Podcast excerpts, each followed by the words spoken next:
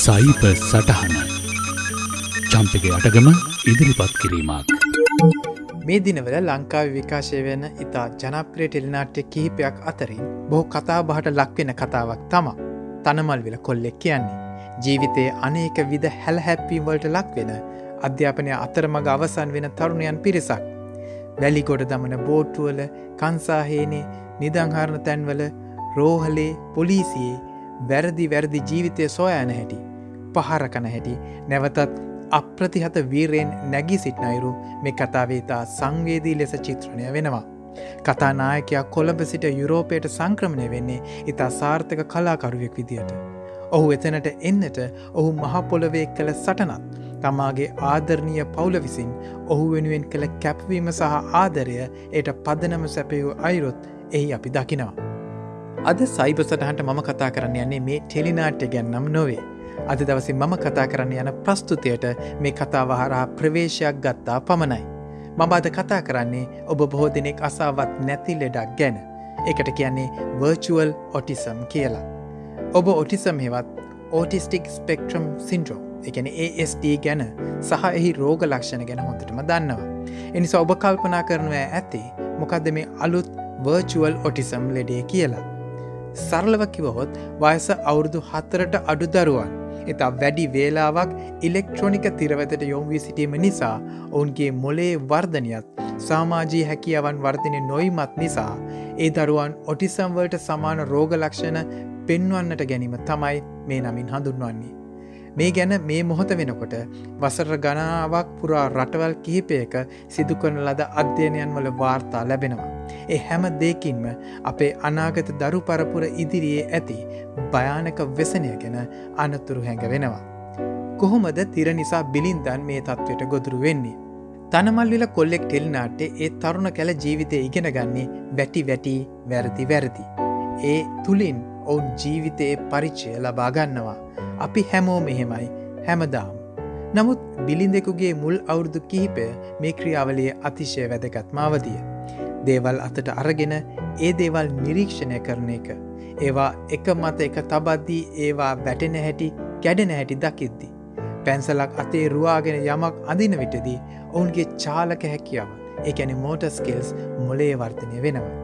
තවත් අය එක්ක ඇසට ඇස බැලීම දුක සතුට තරහා අදී සංවේදනයන් ප්‍රකාශ කිරීම හරහා ඔවුන් සාමාජිය සත්වයෙක් වෙන්න ඉගෙන ගන්නවා.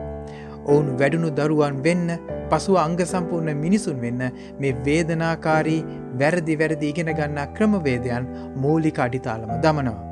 ස්ක්‍රීන් වෙත දවසේම මුහුණ හොවාගෙන වැඩන දරුවන්ට මේ අත්‍යවශ්‍ය පදනම වැඩෙන්න අවස්ථාවක් ලැබෙන්නේ නැහැ.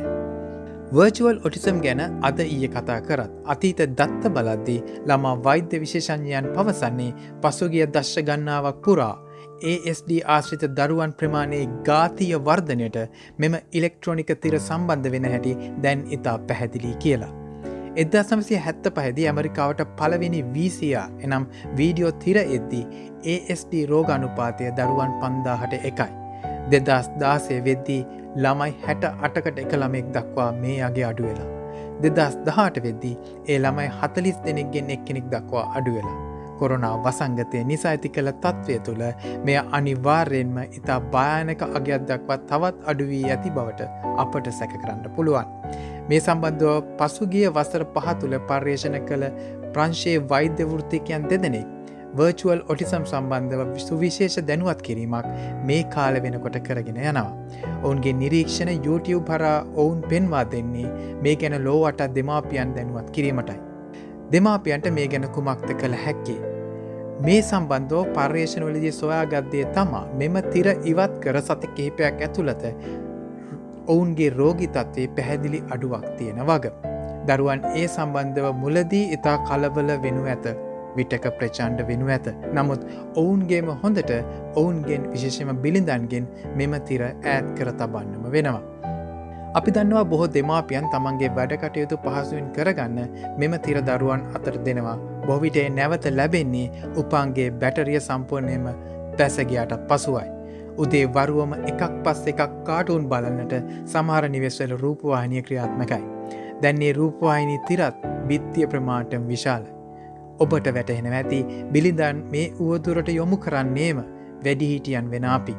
දරුවන් එක්ක චිත්‍රවඳන්න ප්ලේඩෝ හෝ වැලි වගේ දේවලින් නිර්මාණ කරන්න හෑන් පේන් කරන්න පොත් කියවන්න හෝ දරුවා එක්ක එලිමානේ ඇවිදිමින් අවට ලෝකය පෙන්වන්න අපට පුළුවන්.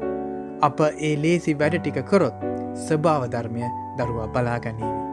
තනමන්විල කොල්ලෙක් ටෙලිනාටගේ තේමාව තමා යෞවනයේ අප්‍රකාශිත පරිච්චේදය. අපි අද දවසේ මේ ගැන ක්‍රියාත්මක නොවනහොත්. අප මේ ගෙවන්නේ අපේ දරුවන්ගේ අඳුරු අනාගතයක අප්‍රකාශිත වත්මන් පරිච්චේදයයි. අදත් ඔබට සයිබ සටහන් ගෙන අම්මම චම්පික යටගම්.